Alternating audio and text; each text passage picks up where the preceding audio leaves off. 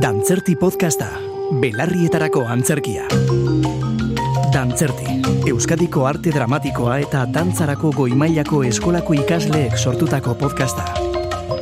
Kaixo, ni Maren Perez da naza naiz eta maiteren pertsonaiaren papera egingo dut. Ni haino azpitarte naiz, maritzuren papera egingo dut, eta biok batera esperoan lanaren parte den eta karmele obraren zati bat egingo dugu Samara Beltek idatzia. Kantu kontari saio hau egiten dugunean ideia bat izaten dugu bauruan, eh? ideia bat eta garrantzitsua. Batetik, ahalik eta musika saiorik entzungarriena egitea. Ahalik eta musika saiorik entzungarriena egitea. Hori lehen da bizi. Eta Ederki. horretarako albiste- Ederki, bai.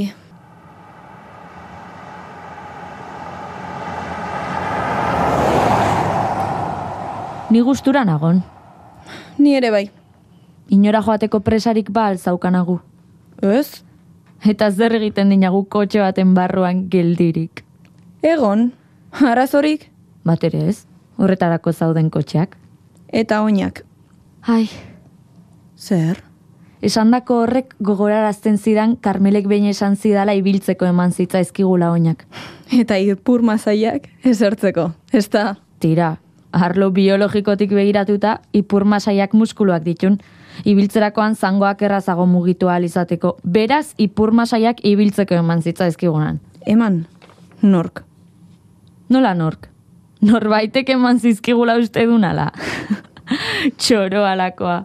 Norbaitek hankak eman omen zizkigunan. Hori dun hori umorea. Aizan, ba karmelek hori esan zinan. Bai, neska, baina Karmelek gauza asko esaten ditin. Karmelen ustez oraindik biziko dinagu beste mundu gerra bat. Eta guk ez omen dinagu jakingo bizirauten orduan jakin zuten bezala. Ez horixe. Guztiok hilko garela esaten din Karmelek, pinpirin egiak izateagatik. Zer dion baina? Ilasa egon adi, esan dinat eta Karmelea obero batela. Gogoratzen alaiz, behin nola esan zuen tsunami batek Euskal Herriko kosta osoa ondatuko zuela. Aze ateraldia, eh, Maritxu? Bai, bai. Egia dun. Karmelek gauza asko esaten ditin, eta nahiko arraroak gainera.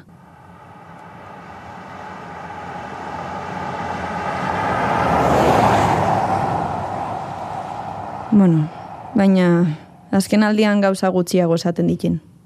Azken aldian bat ere ez.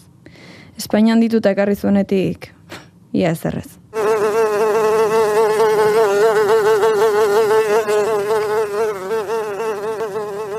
Bueno, gauza bat bai. Aurrekoan esan zinan oinak ibiltzeko eman zitzaizkigula. Guazen, orduan. Guazen ba.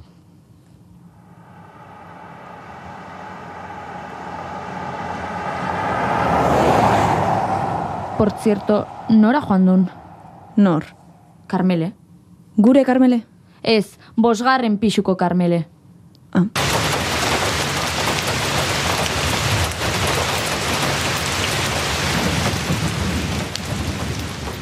Baldakin Ba, gizonak eta emakumeak ez direla berdin suizidatzen. Zer?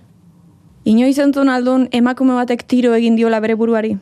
Edo gizon batek bere zainak moztu dituela. Non entzun dun hori? Ba, aldizkari batean. Aldizkari batean entzun dun? Zer nahi dun, telebistan irakurri dudala ezatea. Ez ez.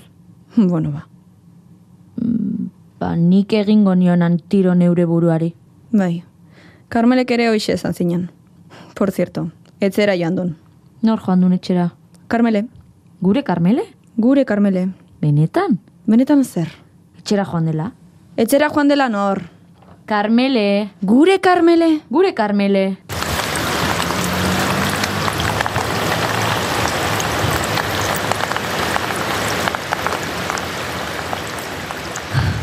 Etxera joan duen orduan, Ai, ziur. ez, ziurrez. Orduan zergatik esan didan. Etzakinat, hik jakin nahi duen eta. Baina, baina, baina horrek ez daukan zentzurik. Zer ez daukan zentzurik. Karmele etxera joan izanak, Baina zer dion? Zergatik ez daukan zentzurik. ba Karmeleren etxea ja ez delako bere etxea. Horrexegatik.